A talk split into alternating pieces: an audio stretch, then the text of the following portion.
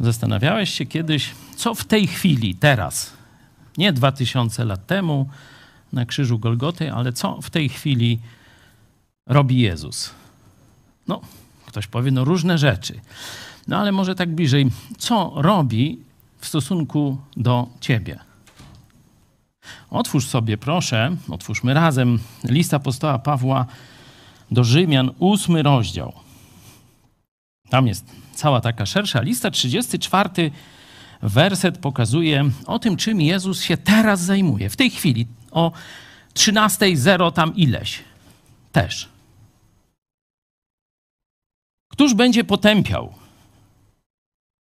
Jezus Chrystus, który umarł, więcej zmartwychwstał, który jest po prawicy Boga. Ten przecież wstawia się za nami. Nie wstawiał, no bo umarł, no to dwa tysiące lat temu. Kto go zaprosił, ma już życie wieczne. I teraz Jezus wstawia się za nami w tym momencie.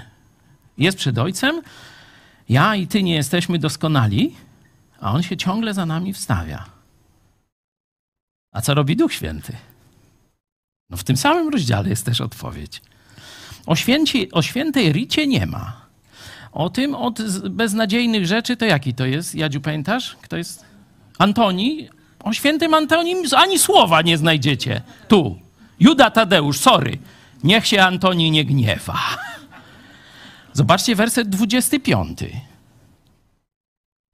A jeśli spodziewamy się tego, czego nie widzimy, oczekujemy żarliwie, z cierpliwością, podobnie i Duch Święty wspiera nas w niemocy naszej. Nie wiemy bowiem, o co się modlić, jak należy, ale sam Duch wstawia się za nami w niewysłowionych westchnieniach.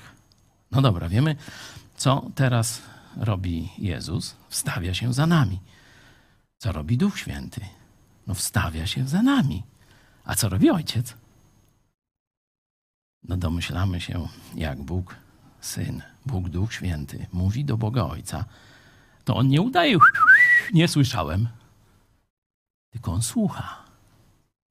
I dalej w wersecie 28, co robi w stosunku do mnie i do ciebie. A wiemy, że Bóg współdziała we wszystkim ku dobremu z tymi, którzy Boga miłują. On teraz robi dla mnie i dla ciebie dobre rzeczy. A Syn i Duch Święty stawiają się za mną, stawiają się za Tobą. Oddajmy im chwałę naszym śpiewem, a potem wrócimy jeszcze do Słowa Bożego.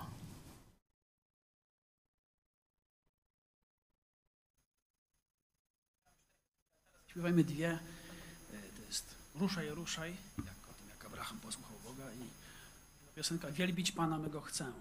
Mój Pan żyje, opoką moją jest. To na początek.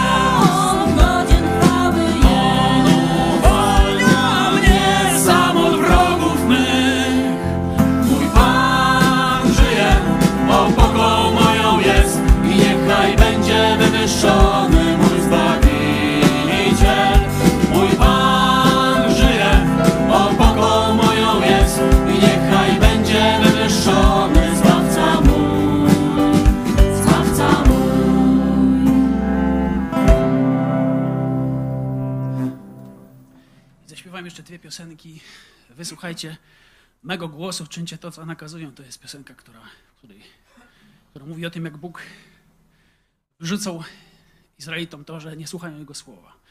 Że Jego słowa poczytują sobie za przedmiot drwiny i nie stosują tego, co jest w Jego słowie. I jeszcze piosenkę Boże, Ty jesteś mocą i zbawcą duszy mej. Tam jest też ten, ta treść. Oświeć mi drogę światłem Twojej nauki, słowa Twojego.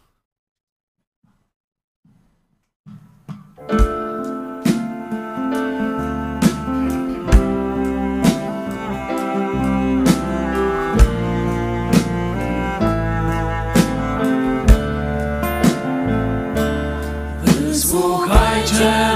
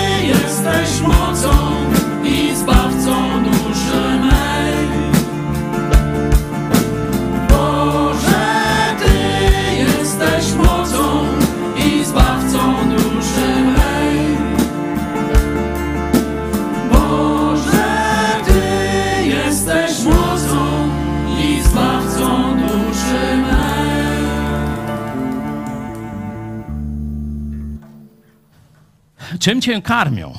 No, znaczy, że jesteś głodny, że na coś czekasz, czegoś potrzebujesz, że przynajmniej od czasu do czasu jest ci źle. Tak jest, ponieważ zostaliśmy wyrwani z naszego naturalnego stanu. Nasz naturalny stan to Eden, to raj, to bycie w nie niczym niezakłóconej relacji ze Stwórcą i w doskonałym, bez żadnego zła otoczeniu. To jest stan naturalny. Dlatego tu na ziemi nawet zbawieni chrześcijanie żyją dalej z grzechami innych, no i od czasu do czasu to nawet i my grzeszymy. Stąd i chrześcijanom też będzie źle na tym świecie. Czym się kończy Biblia? Otwórzcie sobie, jak nie wierzycie. Kościół, zbawieni ludzie, obmyci krwią Jezusa, mający miejsce w niebie, wołają: Przyjdź, Panie Jezu, bo jest nam tu źle. Mamy misję, jesteśmy ambasadorami i tak dalej, mamy Ducha Świętego, wszystko to prawda, ale niestety jest jeszcze grzech. Czyli lud czeka, lud chce czegoś tu na ziemi od Boga. Zobaczcie, Psalm 119 to jeden z takich najdłuższych rozdziałów w Biblii. Tam Dawid mówi: Otwieram usta i wzdycham, czyli czekam. Za chwilę dowiemy się na co. No, wy już możecie sobie tam otworzyć w Biblii. Ale my przerwijmy w tym miejscu. I zobaczmy, co stało się z pierwotnym planem Boga, jeśli chodzi o, ty, o to, z czym ma do Niego dotrzeć Jego Kościół. Przenieśmy się na chwilę do XVI wieku, do Rzymu, do miejsca Najświętszego, gdzie wszystkie promieniowania, wszystkie łaski się kumulują. Nie mówię, że wszystkie burdele tam też cumują, ale przyjmijmy tę wersję katolicką. I oto ksiądz, doktor teologii, znawca wszystkiego, co Kościół naucza i poznał, jedzie z misją do Rzymu. Ma nadzieję, że to będzie dla niego duchowa petarda. Zobaczmy, jak w tym świętym miejscu przeżywa oświecenie.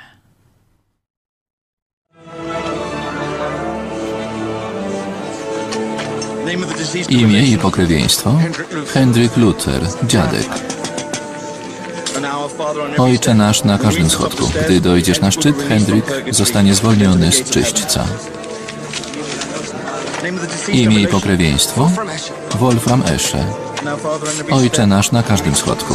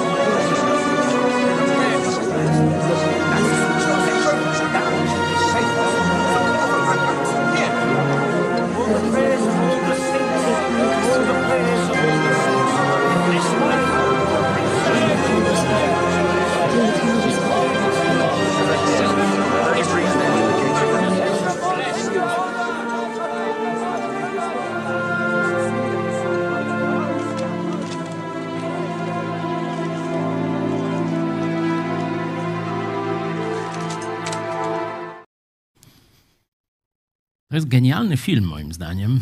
Na nasze czasy, kto jeszcze nie widział, niech sobie zobaczy historię, która też rozegrała się w Polsce. Ten oszust katolicki, Tecel chyba on się nazywał, inkwizytor Niemiec, który właśnie obiecywał zbawienie, wypuszczenie z czyśćca, gdy tylko moneta w skarbcu jego w świątyni zadźwięczy. On był także inkwizytorem Polski.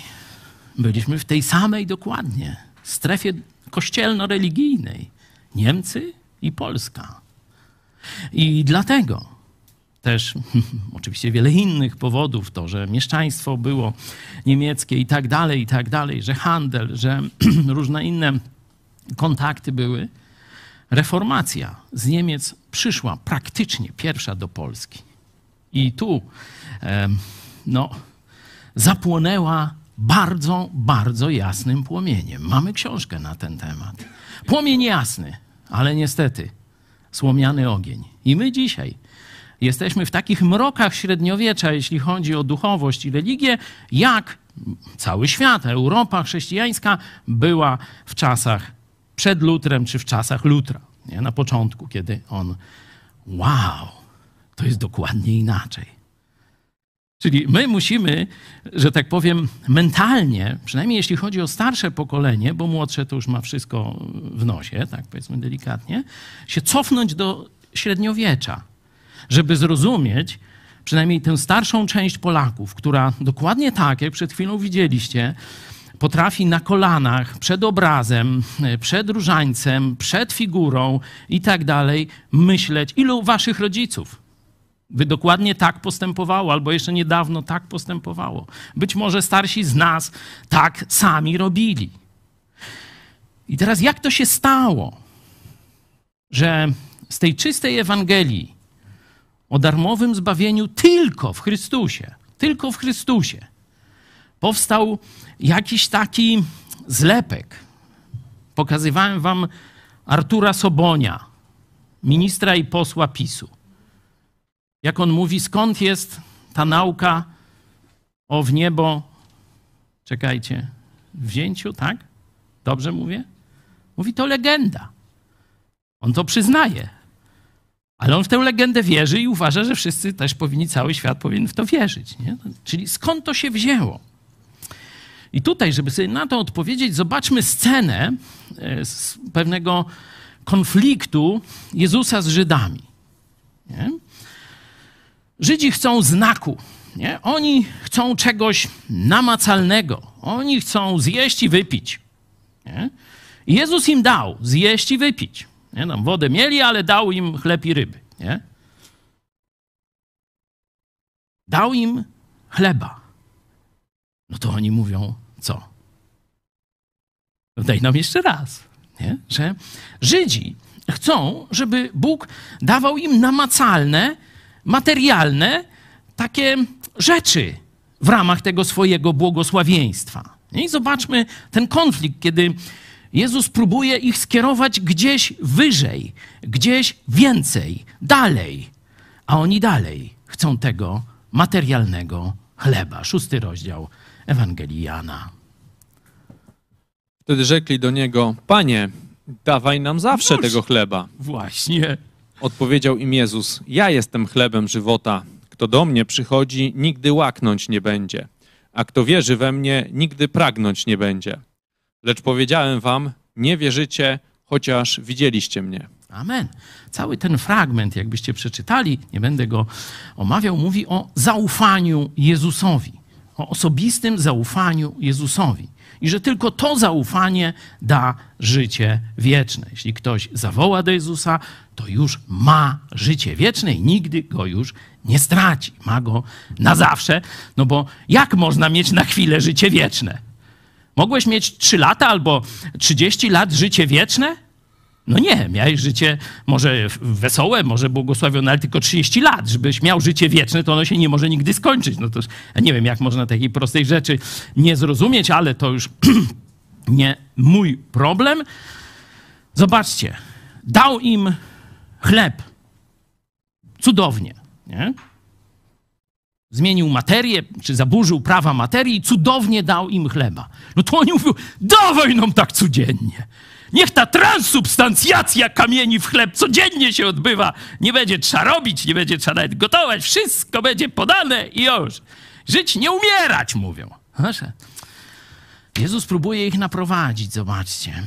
To ja, ja, nie chleb jest Bogiem. Nie jak ksiądz powie zaklęcie, to opłatek staje się Jezusem. Nie? To ja jestem tym chlebem żywota. Nie? Pokieruję ich do siebie. Jeszcze, żeby ktoś jakby nie, nie zrozumiał, to zobaczy, mówi: Wy chcecie transubstancjacji, materialnego dowodu. Nie wierzycie, chociaż mnie widzicie, mówi Jezus. Nie, nie wierzycie we mnie. Wierzycie w ten chleb, któryście dostali do żarcia. Nie? Czyli to jest, można powiedzieć, naturalne wśród ludzi, że oni chcą dotknąć. Pamiętacie, jak Marian Kowalski, jeden z największych ewangelistów polskich ostatnich dziesięcioleci, mówił, jak to jest? Boga nie widać. A kościół, biskup, ksiądz, żona księdza, ta gospodyni, to widać. To jest. To se mogę dotknąć. To właśnie o to chodzi.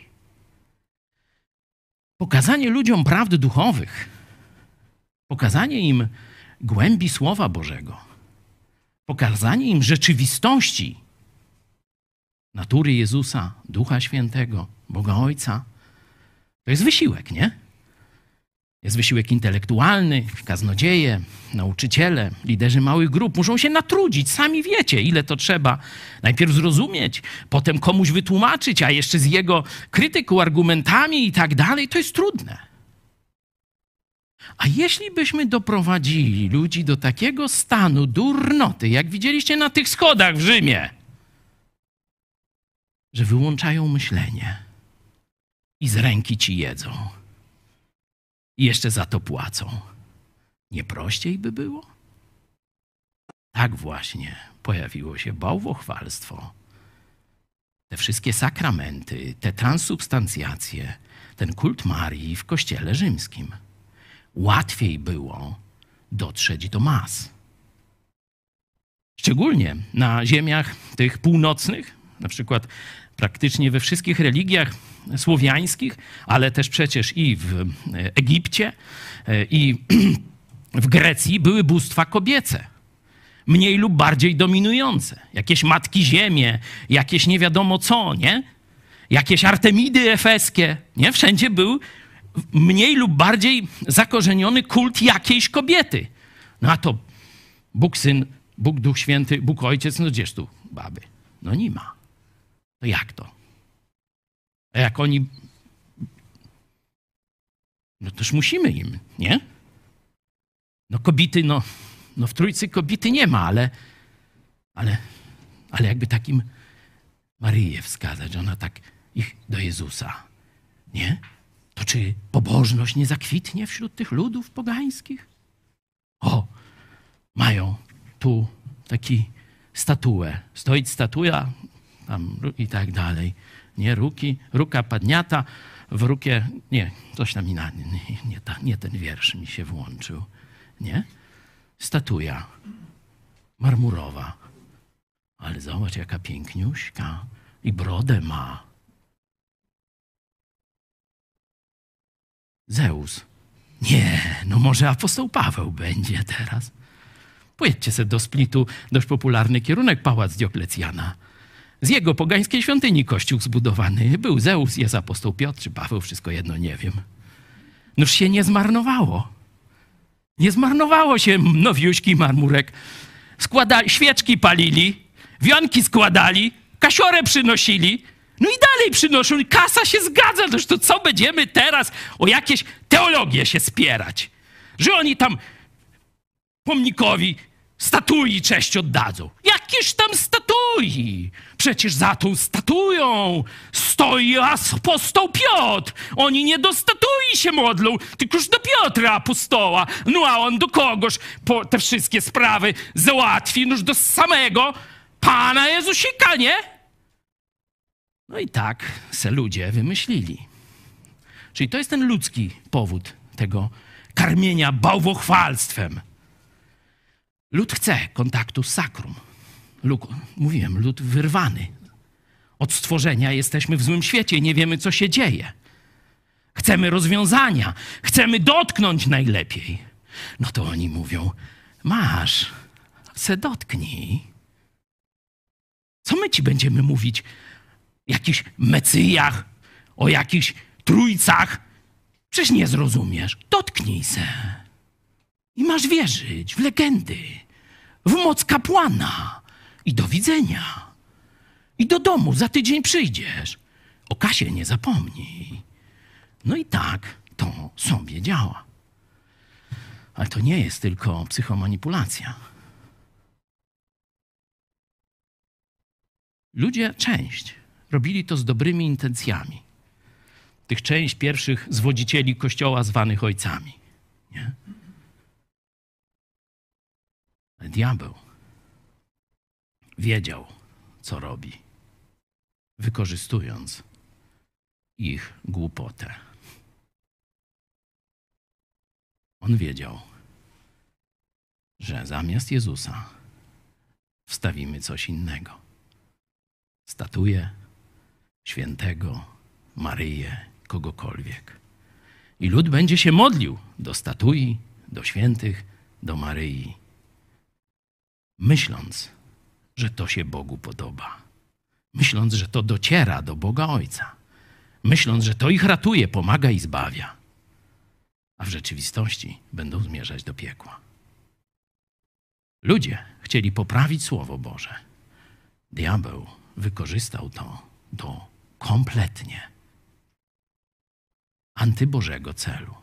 Dlatego tak bardzo musimy uważać, by nie próbować dodawać, odejmować, zmieniać, przekręcać, uzupełniać Słowa Bożego, bo ono jest z jednej strony czyste, a z drugiej strony wystarczające.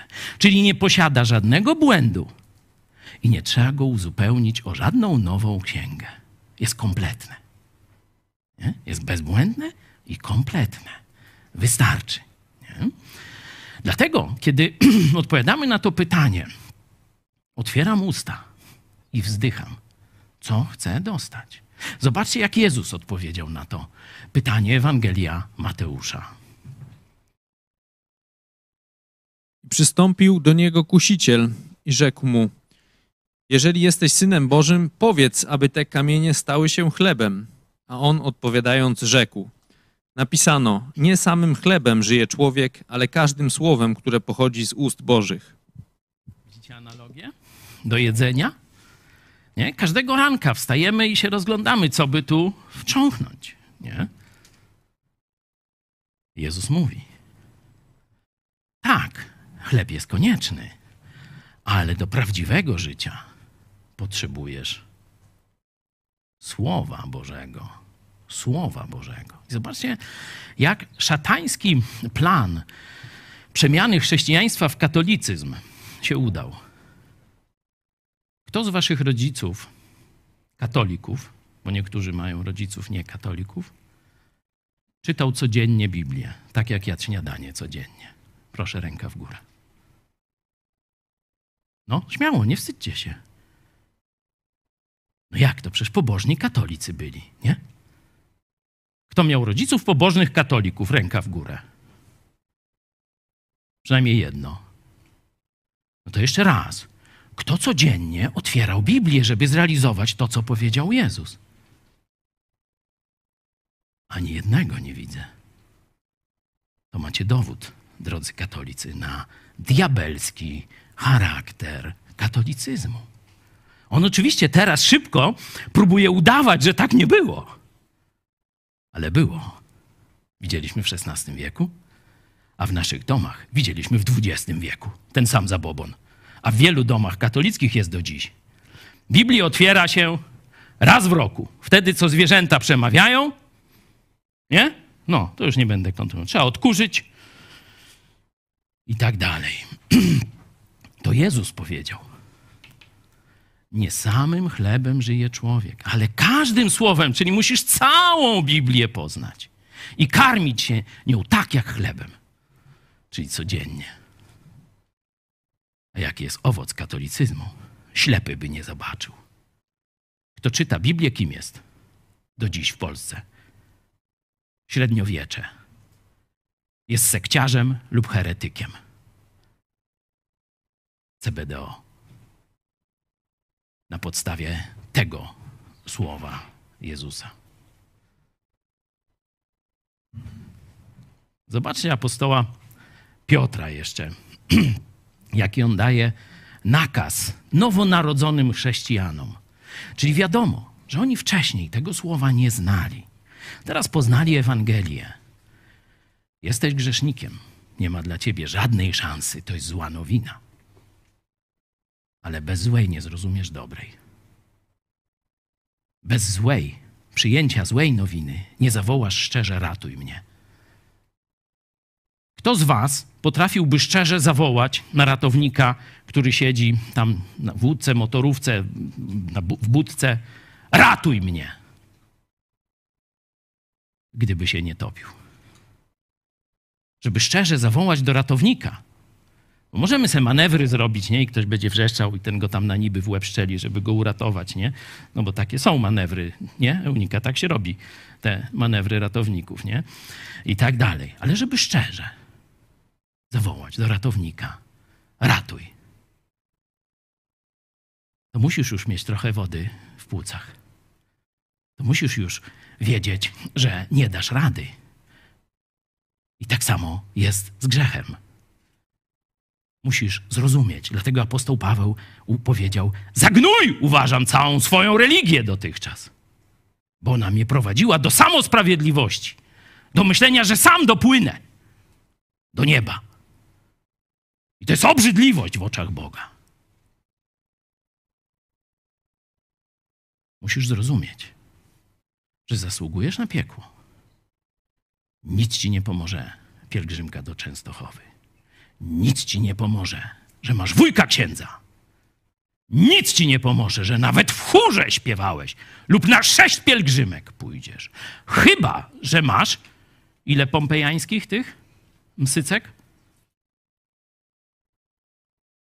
No, dawnoście nie ćwiczyli. No, no. Nic ci nie pomoże, spowiedź ci nie pomoże, Eucharystia ci nie pomoże, codziennie i, i na krzyż, i dwa razy dzień, nic ci nie pomoże. Musisz zrozumieć, że się topisz, że idziesz do piekła i że tylko jak zaufasz, zawołasz do Jezusa, tak jak Łotr na krzyżu, który już nie miał żadnych szans zrobić cokolwiek. Powiedział, Panie, Jezu, wspomnij na mnie, gdy będziesz u Ojca. I pamiętacie odpowiedź? Najpierw pójdziesz, dziadu, do czyśćca, bo żeś nagrzeszył i do spowiedzi nie chodziłeś mi. A różańców ile żeś ty odmówił? O, tylko trzy? A wypad! To usłyszał? Dziś jeszcze będziesz ze mną w raju. To jest dobra nowina, którą Kościół katolicki zamazał, wykrzywił, schował przed ludźmi. Dziś jeszcze będziesz w niebie. To jest oferta Jezusa Chrystusa. Oferta kleru. Staraj się, chudź, wytrwaj, płać, pracuj, uczestnicz, sakramentuj się, a potem pójdziesz do czyśćca. To jest katolicka oferta. Czy, katoliku, powiedz szczerze, czy widzisz różnicę? Tu masz za darmo. Dziś będziesz w niebie. A tu zapierniczaj całe życie i nie wiadomo, jak się to skończy. Widzisz różnicę, czy nie? Jakoś trzeba strząsnąć tym narodem, żeby wyszedł z mroków średniowiecza wreszcie. Nie? Bóg nas wyprowadził z mroków średniowiecza, malując przed nami nie obraz w katedrze, ale Słowem Bożym malując obraz prawdziwego Jezusa w naszych umysłach. Wow! Bóg przyszedł na ziemię, przyjął ciało człowieka, przeżył bezgrzeszne życie, poszedł na krzyż Golgoty i choć mógł nie pójść, to wiedział, że nie ma innej drogi zbawienia. Oddał się, żebym ja mógł żyć. Ale tak się nie skończyło. Ta historia tak się nie skończyła. Jezus zmartwychwstał, pokonał śmierć, pokazał, że jest życie wieczne, że będzie nowe życie po śmierci. Taką pewność każdy chrześcijanin już ma. Pytanie, czy ty masz? Jeśli już masz, to ten tekst apostoła Piotra jest właśnie do ciebie. Jako nowonarodzone niemowlęta zapragnijcie niesfałszowanego duchowego mleka, abyście przez nie wzrastali ku zbawieniu. Dzięki. Niesfałszowanego. Czyli zobaczcie, będzie dużo podróbek, chińszczyzny na rynku. Pseudo-adidasów czy innych jakichś, nie? Oszustów. Czyli ty musisz pójść do niesfałszowanego i nie krowiego mleka. Nie księżowskiego opłatka, tylko duchowego mleka. No i teraz pytanie, zanim przeczytamy dalej, czym jest to duchowe mleko? Dla każdego chrześcijanina jest to oczywiste, no ale przeczytajmy dalej ten fragment.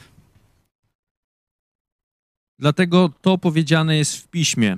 Oto kładę na Syjonie kamień węgielny, wybrany, kosztowny, a kto weń wierzy, nie zawiedzie się. Dla was, którzy wierzycie, jest on rzeczą cenną, dla niewierzących zaś kamień ten, którym wzgardzili budowniczowie, pozostał kamieniem węgielnym. Ale też kamieniem, o który się potknął i skałą zgorszenia. Ci, którzy nie wierzą słowu, potykają się oń, na co zresztą są przeznaczeni. Widzicie tę cechę tych ludzi? Ludzie podzielą się ostatecznie na dwie grupy. Ci, którzy zaufali Słowu, wręcz wcieleniem Słowa jest Jezus. On takie imię pokazał. Widzimy je w Ewangelii Jana, Logos, nie? czyli Słowo się to tłumaczy, ale bardziej to by pasowało jak wszechwiedza, nie? wszechinformacja, coś takiego. I ci, którzy nie zaufali Słowu. I początek tego tekstu, nakaz, jest teraz. Masz się karmić tym, co niesfałszowane, tym, co duchowe, tym, w co uwierzyłeś Słowo Boże. To jest to, czym mamy karmić ludzi. Mamy karmić ludzi jako Kościół słowami Boga. Taki jest nakaz do nauczycieli chrześcijańskich. Wasza mowa niech będzie jak Słowo Boże. Nie, że to, co ja powiem, tak w katolicyzmie jest. Co papież powie, tam w ramach dogmatu, ex katedra, czyli nieomylności, to się staje Słowem Bożym. Nie? Zobaczcie, jak odwrócone kota Jarosława ogonem normalnie. My jesteśmy zobligowani jako pastorzy, nauczyciele mówić tak, jak Słowo Boże, raz na zawsze skończone, objawione, a nie, że to, co my powiemy, to jest Słowo Boże. Z tego Bóg będzie mnie i ciebie, innych pastorów, rozliczał. Czy nauczałeś wiernie Słowu Bożemu, czy też jakieś kucypały ludzkie wymyślałeś, nie?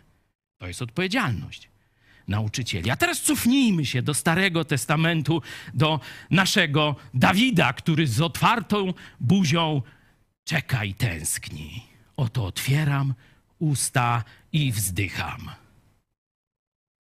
Na co? No zobaczmy. Bo pragnę przykazań Twoich, bo pragnę słowa Twego. Zobaczcie naukę Starego Testamentu.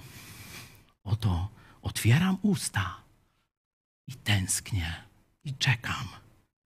Chcę Twojego słowa, Twoich nakazów, Twojej woli. Przeczytajcie sobie cały psalm 119. Ciekawa lektura, ale długa. I apostoł Piotr mówi nakaz. Pragnijcie duchowego, niesfałszowanego mleka którym jest Słowo Boże. Zobaczcie, jak się zazębia, jak się uzupełnia Stary i Nowy Testament. Skąd się rodzi wiara człowieka? Moglibyśmy znowu wrócić do listu do Rzymian, do dziesiątego wersetu. Pamiętacie? Przez słuchanie Słowa Bożego, Słowa Chrystusa o zbawieniu dokładnie. I chciałem, żebyśmy teraz po, podziękowali. To jest dobry czas żebyśmy podziękowali, że Słowo Boże dotarło i wstrząsnęło do każdego z nas. Podziękujmy też za tych, którzy się trudzili, bo nie było łatwo. Ja wyśmiewałem tych, którzy mi głosili Ewangelię. Zapędzałem ich w kozi róg. A oni tam za jakiś czas znowu przychodzili, coś tam się douczyli i tak dalej. I próbowali, i próbowali. Nie oni mnie przekonali, ale Bóg użył także ich. Podziękujmy za tych, którzy się trudzili, abyśmy dziś cieszyli się życiem wiecznym z Jezusem Chrystusem. Tu są mikrofony. Można Kto chce, tylko musicie do mikrofonu, żeby pozostali słyszeli. Jeśli ktoś jest połączony z nami przez media społecznościowe, też zapraszam do modlitwy. Za kilka minut ją zakończę. Kto by chciał zacząć? Niech podniesie rękę. O, już jest chętny, proszę. Panie Jezu, dziękujemy Ci za to, że Ty tak bardzo nas ukochałeś, że oddałeś swoje życie za nas. Dziękujemy Ci, że, że to Ty o nas walczyłeś i że to Ty, y, że to Ty wyrwałeś nas z tej szerokiej drogi, y, z tego, wielu z nas wyrwałeś z tego zabobonu, którym, którym opanowana jest Polska, który właśnie przedstawia ten rządzący duszami zwodniczy system. I że teraz jesteśmy wolni, że teraz mamy do Ciebie prosty, nieskrępowany przystęp, że możemy właśnie karmić się e, Twoim słowem, Twoją nauką każdego dnia i rzeczywiście e, żyć we wdzięczności do Ciebie, oddając, oddając Ci tę miłość, którą Ty nas właśnie pierwszy ukochałeś. Chwała Ci, Panie Jezu. Chwała Ci.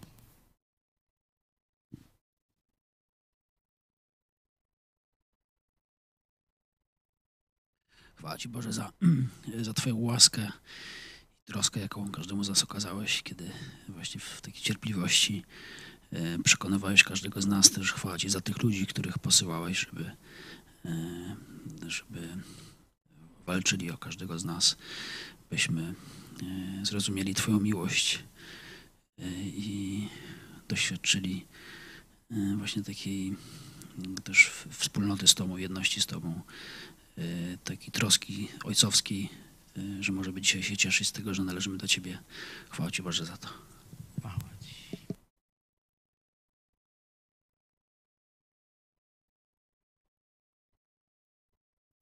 Dzięki Ci, Panie, za wyzwania, jakie przed nami stawiasz, za to, że możemy być Twoimi ambasadorami, za to, że możemy głosić Twoje słowo.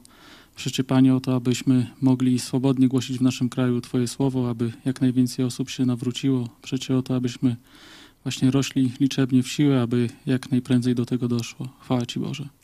Chwała Ci, Panie.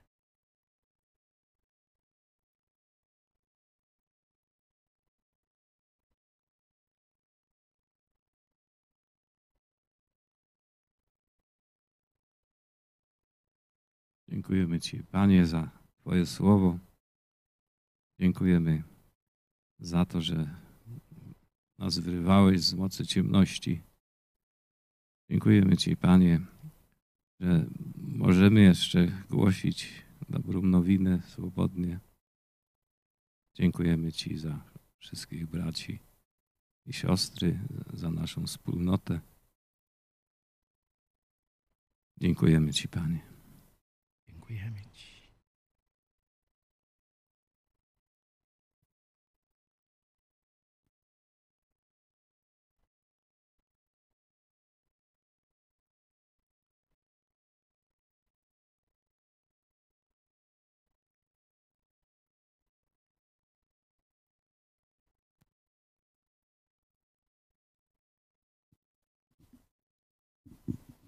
Chwała Ci, Panie, za Twoje słowo, że jest takie e, doskonałe i czyste i e, dziękuję Ci, Boże, że mamy tak swobodny do niego dostęp, że e, właśnie każdego dnia możemy się nim karmić.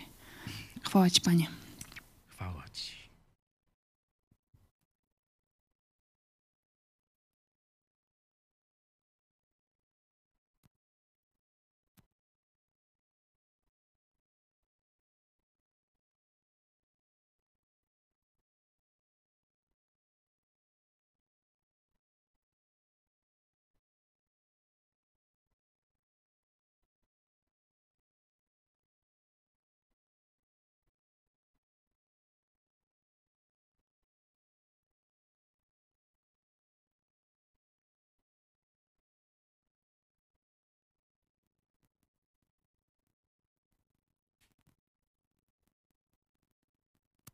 Panie, za ten dzień, który dajesz nam każdego dnia.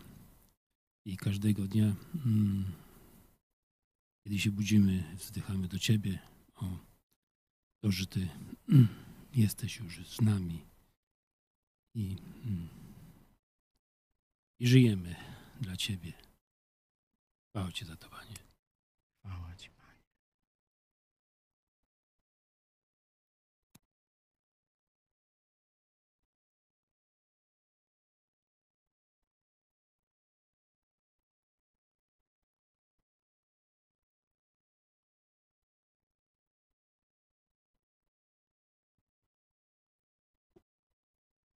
Dziękuję Ci, Panie, za, mm, za te osoby, które posyłałeś do nas, e, zwiastujące Ewangelię.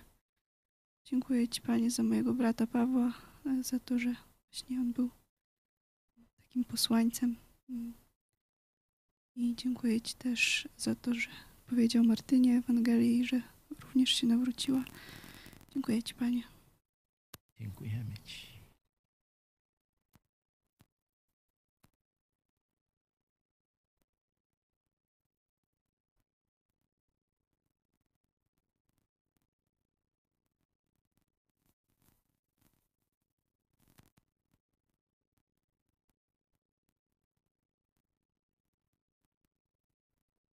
Największy ciężar, jaki nas przygniatał, ciężar naszego grzechu, wyrzutów sumienia, winy.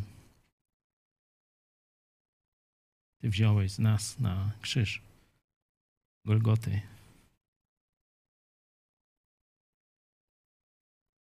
Nie ma większej miłości niż to, co zrobiłeś dla nas na krzyżu Golgoty, Panie Jezu. Dziękujemy Ci też za tych ludzi, których Twoja miłość przynaglała do tego, żeby wszelkie bariery pokonać, ryzykować, tracić czas, pieniądze, wysiłek, dobre samopoczucie, niekiedy zdrowie, żeby ta prawda o darmowym zbawieniu do nas dotarła. Że dzisiaj możemy nazywać Ciebie, Panie Jezu, naszym Panem, Zbawicielem, a do Ciebie, Ojcze, wołać tatusiu. Niech Ci będzie chwała w naszym życiu tu na ziemi. Amen.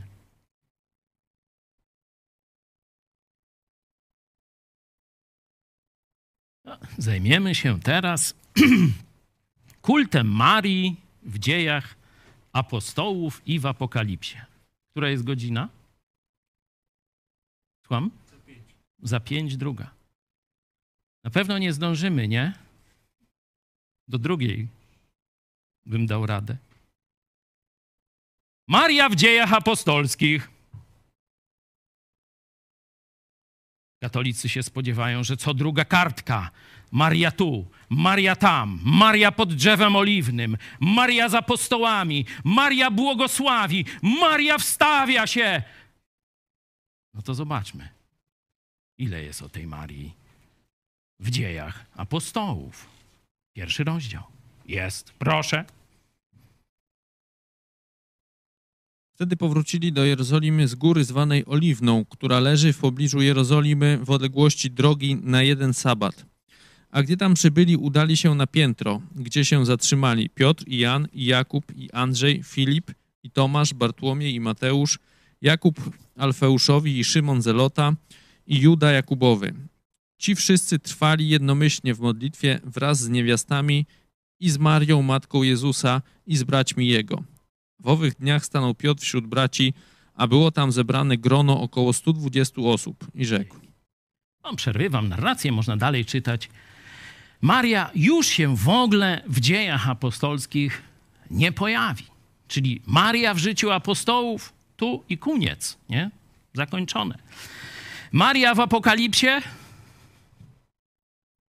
nie ma ani słowa. No to już skończone nauczanie. Mówiłem, że się uwinę.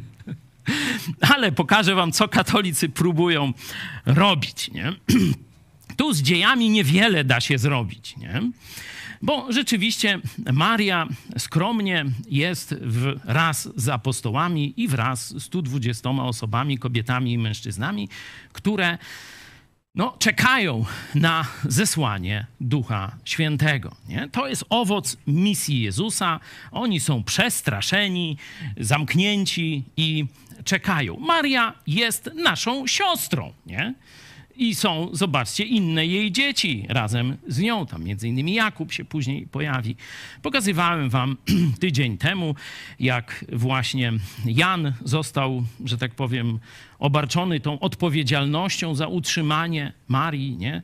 Teraz ty się nią masz zaopiekować, to jest y, syn twój, a to jest matka twoja i wziął ją do siebie. No i tu, zobaczcie, mamy kontynuację, dowód tego, że Maria jest z chrześcijanami, uwierzyła w Jezusa i czeka wraz z nimi na zesłanie Ducha Świętego, tak jak Jezus rozkazał także jej. I zobaczcie, no tu by się pierwszy taki przykład, nie? że coś trzeba zrobić. Jest Maria. A kto robi?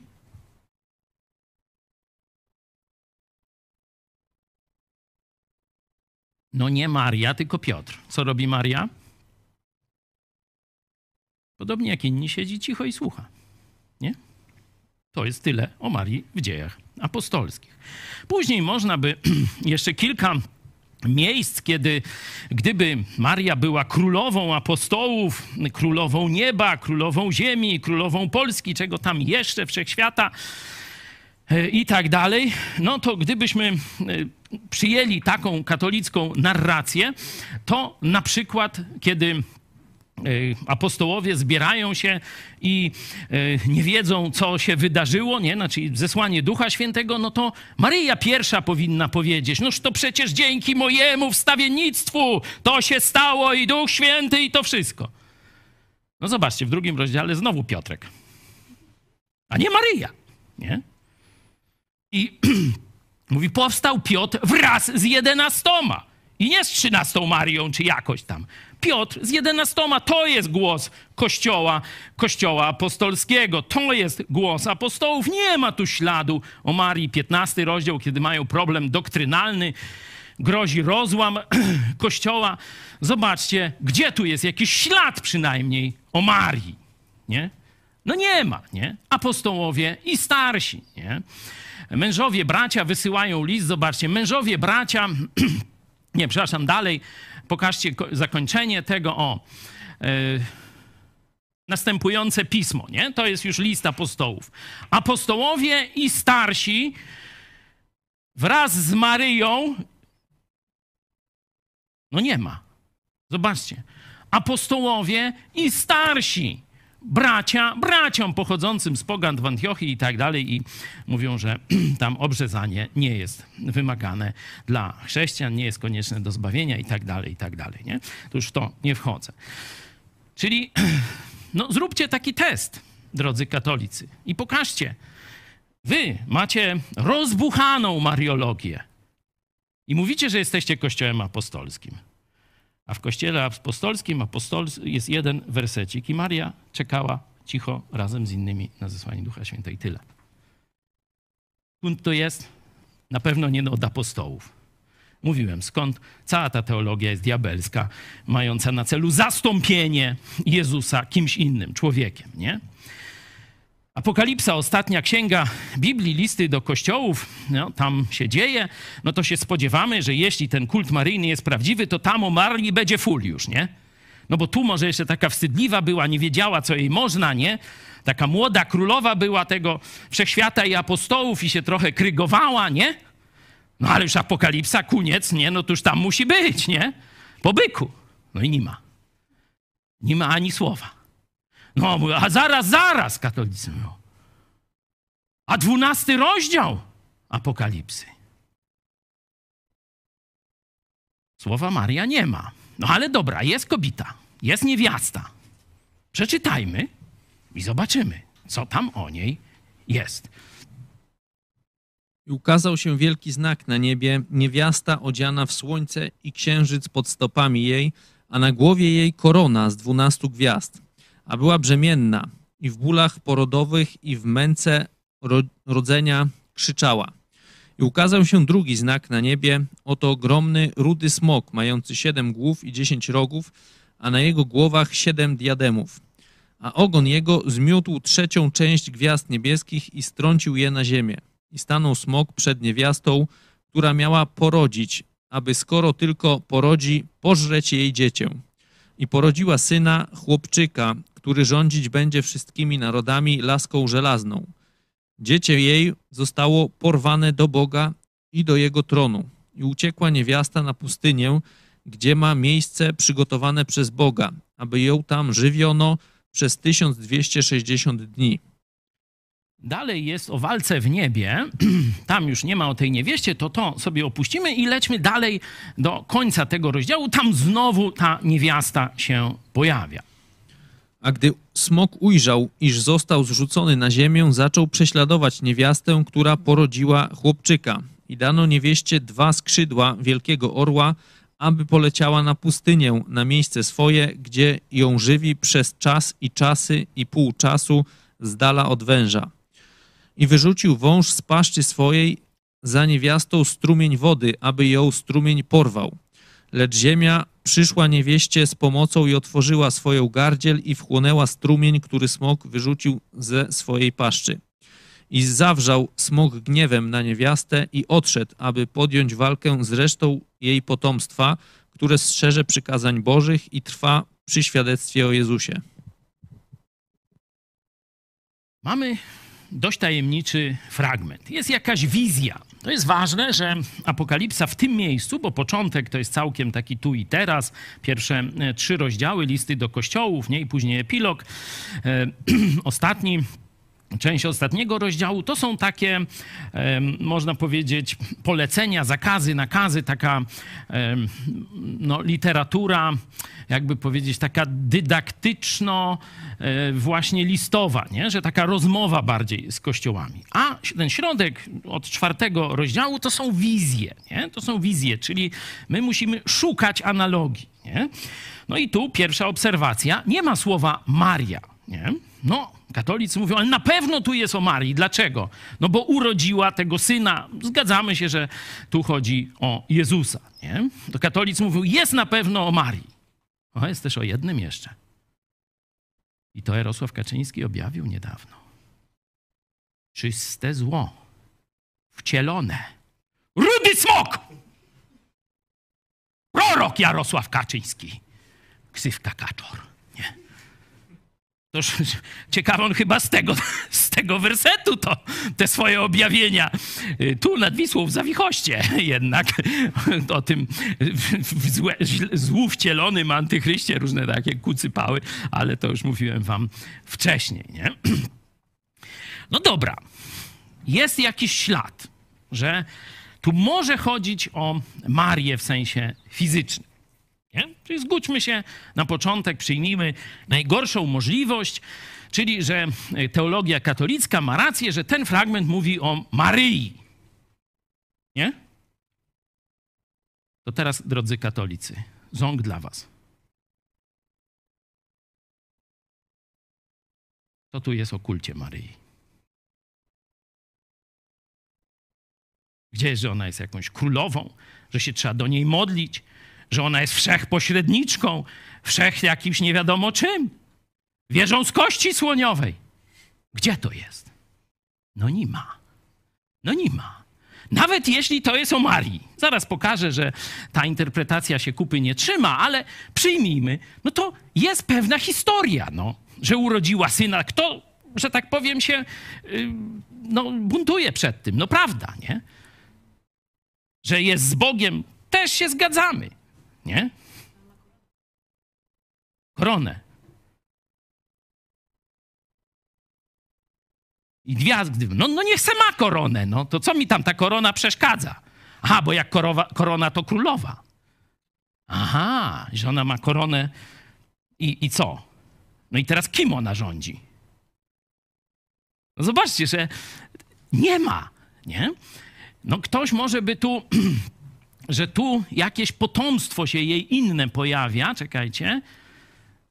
Weźcie następny slajd. Zresztą jej potomstwa. Nie? No dobra, niech będzie, że tu są jacyś ludzie, którzy są jej potomkami. I oni się codziennie rano kłaniają jej. Zaczynają dzień różańcem. A potem litania. Tak? Tak jest napisane? Jak jest? Co robią te, te dzieci? Niech już te będą, te dzieci Maryi. Co one tu robią? Siedzą, czytają Biblię i przede wszystkim stosują Słowo Boże. I tyle. Czyli przyjmujemy najbardziej, że tak powiem, daleko posuniętą interpretację katolicką. I co nam wychodzi? Nul, jeśli chodzi o kult maryjny. A teraz zajmijmy się interpretacją najbardziej prawdopodobną. Nie jest tu powiedziane, kim jest ta niewiasta. Nie? To po pierwsze. Gdzie ona funkcjonuje? W niebie czy na ziemi? Na ziemi. A Maryja gdzie jest? A? Według mnie jest w niebie. Nie? A tu jest na ziemi. To się dzieje na ziemi. Kiedy to się dzieje? W przeszłości i w przyszłości. Nie, jeszcze czegoś takiego, co tu jest opisane, nie widzieliśmy. No i teraz jedna z takich podstawowych obserwacji, o której katolicy zapominają i dlatego łatwo jest katolików oszukiwać. Do kogo Biblia w pierwszym rzędzie jest napisana, nawet Nowy Testament. No niestety. Braunowcy, zatkajcie uszy teraz. Do Żydów, panie. I to powtarzałem wielokrotnie. Na bazie ich kultury, na bazie ich objawienia, na bazie ich historii są wszystkie te analogie. Skąd jest 12 gwiazd? Od Spinelliego.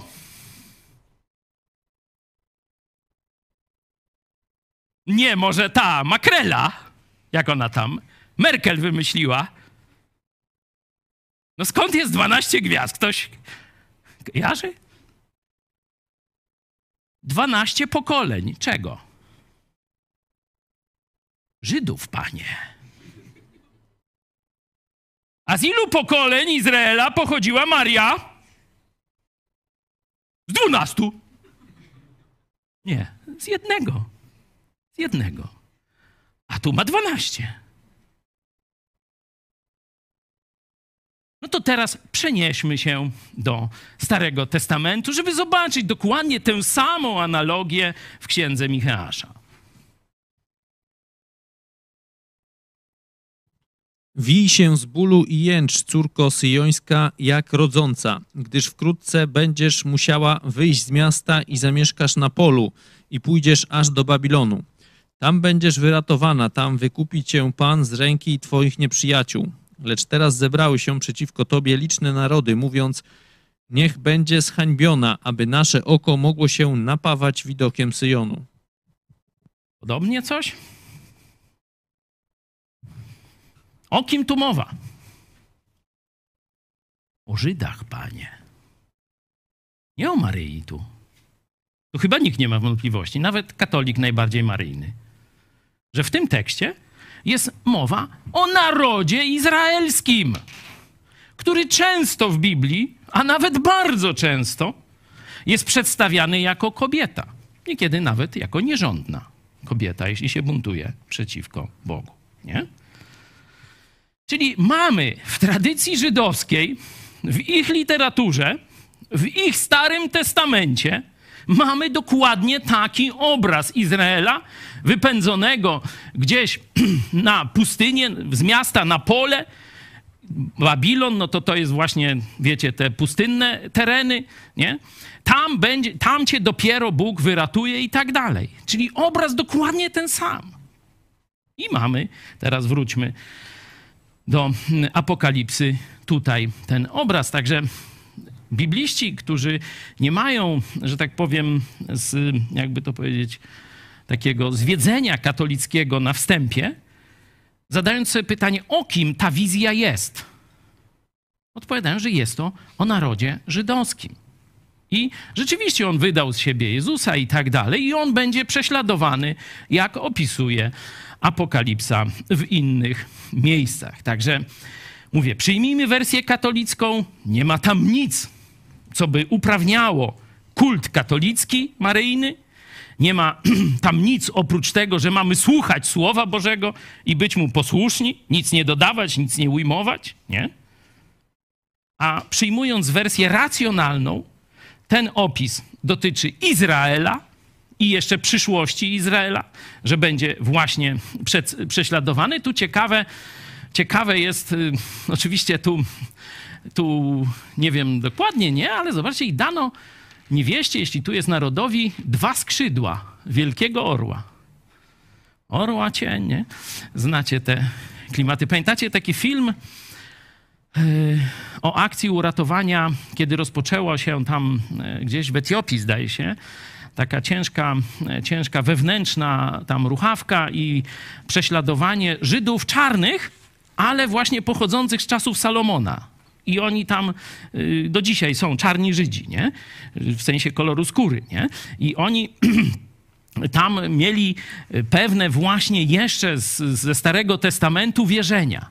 I co zrobiło państwo Izrael, żeby uratować całą tę wielotysięczną społeczność? Już nie pamiętam, ilu ich tam było, tych Żydów, ale kilka tysięcy mi się wydaje, nie? Ktoś pamięta ten film? Słucham? Może nawet kilkanaście tysięcy. Wiecie, jak ich uratowali? Orła cień normalnie. Przyjechał, wylądował, zabrał cały naród żydowski, można powiedzieć, z tej części Afryki, został uratowany właśnie samolotami. Ja nie wiem, ja tylko pokazuję, że dano niewieście dwa skrzydła wielkiego orła normalnie, nie? Ileż takich samolotów teraz się nazywa właśnie albo jastrzębie, albo orły, albo tego, śmego i tak dalej. Nie wiem, nie? Tylko pokazuję, że jest taka możliwość, że znowu będą Żydzi gdzieś prześladowani, będą musieli uciekać, że będą gdzieś na pustyni, że gdzieś będą uratowani jakąś misją ewakuacyjną. Oczywiście będą też cuda, bo diabeł tam próbuje jakąś wodę zalać, nie? Ziemia się rozwiera, ten wszystko. Zobaczcie, gdy, gdybyśmy chcieli to do Marii przypasować, to nikt, nawet katolicki najbardziej legendopis nie wymyśli tego. Gdzie Maria była w ten sposób prześladowana? Nie? Gdzieś musiała uciekać sama na pustynię, że tam y, jakąś wodą ją chcieli zalać. Gdzie to jest? No nie ma. Nie? To jest dopiero pieśń przyszłości. Dobra, czyli temat zamknięty. Biblia jasno nie mówi o Marii ani w dziejach apostolskich, ani w Apokalipsie w sposób, który by usprawiedliwiał dzisiejszy kult, dzisiejsze zastąpienie Jezusa Maryją i oddawanie jej prawie boskiej czci. Dlaczego to jest diabelstwo? Na to odpowie wam papież. I nie Franca, ani żadna inna, ale ten prawdziwy. I tu katolicy i protestanci się zgadzają. On był rzeczywiście przywódcą apostołów. Najważniejszym, można powiedzieć, przedstawicielem, bo apostołowie to przedstawiciele Boga na ziemi. Nie Maryja, tylko apostoł Piotr. I on zeznaje pod przysięgą. To tak jak pastorzy tu w moim procesie. Pod przysięgą mówił, mówili Ewangelię ładniutko trzy razy, a prokulantka dyktowała, sędzia powtarzał. Już teraz nie będzie mógł powiedzieć, że nie słyszał, bo mieliśmy dowód, że powtarzał tej, co pisała. Ona też słyszała, bo napisała. Prokurator mogła nie słyszeć, nie? Ale też tam była. Mam nadzieję, że i prokurator Urban też słyszała. Pozdrawiamy ewentualnie. Nie? E, I, I co? Nie wiemy, czy im pomogło. Ale pierwszy papież, przywódca apostołów, pierwszy i ostatni, tak, protestanci się tu, katolicy się nie zgadzają, pierwszy i ostatni papież, bez żadnych następców, nie? Nic takiego w Biblii nie ma, to są kucypały i wymysły, nie? Ale rzeczywiście on miał pewną rolę do odegrania i odegrał. I on teraz mówi, dlaczego kult maryjny jest z piekła. Kult maryjny, kult świętego Józefa, świętego Judy, świętej Rity i ojca Pio. A katolicy znacie więcej tych świętych, to se dopiszcie. Proszę. Dzieje apostolskie, czwarty rozdział. To niech wam wszystkim i całemu ludowi izraelskiemu wiadome będzie, że stało się to w imieniu Jezusa Chrystusa Nazareńskiego, którego wy ukrzyżowaliście, którego Bóg wzbudził z martwych. Dzięki niemu ten oto stoi zdrów przed wami. On to jest owym kamieniem odrzuconym przez was budujących. On stał się kamieniem węgielnym. I nie ma w nikim innym zbawienia, albowiem nie ma żadnego innego imienia pod niebem danego ludziom, przez które mogliby być zbawieni. Moglibyśmy być zbawieni. Amen. Zobaczcie, co o kulcie maryjnym, o wzywaniu imienia Marii, świętej Rity i wszelkiego, co tam sobie wymyślicie, mówi pierwszy i ostatni papież. I nie ma w nikim innym zbawienia. No dobra, ale przecież Maria prowadzi do Chrystusa. No, mówisz Maria, a myślisz Jezus, nie? Jak ksiądz Rydzyk mówi? Jezus? I co? Jakoś tak jest dalej, nie? Czy myślisz... Je, je, nie, czekaj, jak to? Odwrotnie u nich. Myślisz Jezusa? Ach, nie będziemy już w to wnikać. Wróćmy do pierwszego i ostatniego papieża. I nie ma w nikim innym zbawienia. I tu zobaczcie, uwaga. Albowiem nie ma żadnego innego imienia pod niebem. Żadnego innego imienia nie ma. Możesz się modlić do Marii. Możesz się modlić do Józefa. Już o dalszych osobach nie będę wspominał. I co? W sprawie zbawienia nic ci to nie pomoże. Zapamiętaj to sobie. Mówi to pierwszy i ostatni papież, czyli apostoł Piotr. Albowiem nie ma żadnego innego imienia prócz imienia Jezus pod niebem danego ludziom, czyli tobie i mnie, przez które moglibyśmy być zbawieni. Będziesz się modlił na różańcu, będziesz wzywał Maryję, będziesz wzywał Jana Pawła II, kogo chcesz, i będziesz potępiony. Dopiero jak osobiście, bo to tobie dane jest to imię, żebyś ty swoimi ustami je wyznał jako swojego Boga, Pana, Króla i Zbawiciela. Wtedy będziesz zbawiony. Nie ma innej drogi. Do zobaczenia.